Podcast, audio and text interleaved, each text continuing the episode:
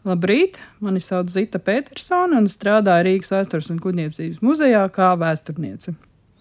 Šodien es jums pastāstīšu par zviedru bruģi. Šogad zviedru bruģim Rīgā paiet simts gadi. Senajā Rīgā pirmais bruģis bija koka klāsti, kas bija aptuveni 25 cm diametrā. Tādi ir atrasti daudzās vecerīgas ielās, veidojot arheoloģiskos izrakumus. Tādus ir konstatējuši Grēcnieku ielas galā ap 22. numuru un arī daudzās vietās ap Domu baznīcu. Dažās vietās tos arheologi vēl ir atraduši 15. gadsimtā. Pēc tam par brūģēšanas materiālu sāk izmantot neapstrādātus akmeņus. 15. gadsimtā kā viens no pirmajiem tika nobruģēts Rīgas rātslaukums, kuru noklāja ar neapstrādātiem granīta akmeņiem.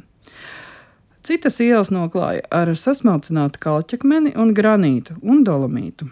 Ielas, kuras bija pilsētas nomalēs, dažkārt klāja arī ar oļiem un šķembām. Vecrīgā senos laikos bruģi klāja, atgādinot vēja burtu. Ielas vidus ir zemāks nekā ielas malas. Tas ir saistīts ar to, lai noticētu notekūdeņi un lietus ūdeņi. Šodien šādu profilējumu daļai mēs varam redzēt Rozenielā. 17. gadsimtā Rīgas iela sāk klāt ar neapstrādātiem laukummeņiem. Un 18. gadsimta beigās liela daļa arī tagadējās brīvības iela jau bija izbruģēta no smilšu vārtiem līdz Elizabetes ielai. Toreiz trotuāru nebija, un katrs nēma saimnieks pats kopa un bruģēja ielu pie sava nama. Tāpēc ielas bija nelīdzenas, un bedres aizpildīja ar būgružiem, un uz ielām bieži bija arī peļķes, kas radīja to, ka karietes varēja viegli apgāzties un radīt sastrēgumus. 19. gadsimtā parādījās tā saucamais rātes bruģis. Tas sastāvēja no visa kā, kas bija iegūstams. Gan apaļiem laukakmeņiem, gan ķieģeļiem, gan dolomīta akmeņiem, kurus veda tātad no Daugavas krastiem un tā tālāk. Šis bruģis nebija kvalitatīvs, tāpēc beidzot, izmantojot dažādu bruģēšanas meistaru ieteikumus, Rīgā esošo bruģi sāka nomainīt ar zviedru bruģi.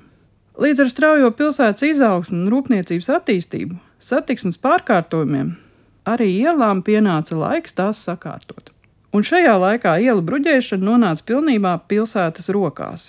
Jo līdz 1750. gadam katrs ielas īpašnieks šīs ielas bruģēja pats.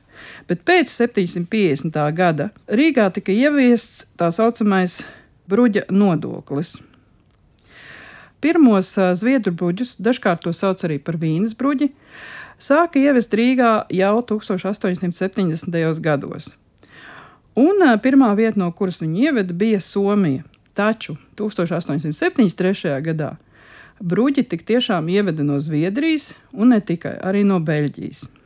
Šie zviedru, jeb vīnes, jeb Rīgā teica Rīgas bruģis, bija kaltie rindu akmeņi.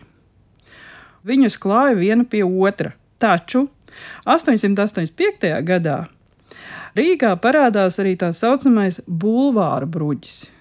Un tas nozīmē, ka zviedru bruģis tika likts skujas veidā, ielas vidū, un pa malām un brīvajās vietās tika aizpildīts ar mazākiem apaļiem akmeņiem.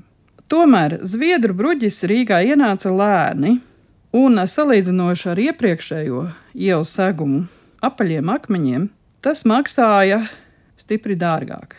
Tā laika naudā 5 rubļi kvadrātmetrā. Salīdzinoši apaļie akmeņi maksāja tikai 1,5 Krievijas rubļi.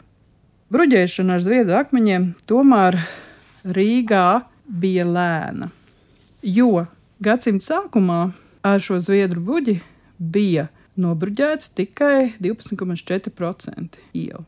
19. gadsimta beigās pilsētā tika izveidota speciāla ielu bruģēšanas komisija, kura tad arī izlēma, kuras ielas mēs bruģēsim ātrāk un kuras varbūt vēlāk. Un pārsvarā tās ielas, kuras pirmās nobruģēja, bija saistītas ar dažādiem rūpniecības uzņēmumiem. Šī bruģēšanas komisijā pārstāvi bija no šīm dažādām rūpnīcām. Piemēram, tur darbojās arī tāds ievērojams cilvēks kā Kimels, kuram piederēja Alhau rūpnīca, arī Rūtenburgs, kuram bija tabakas rūpnīca un tā tālāk.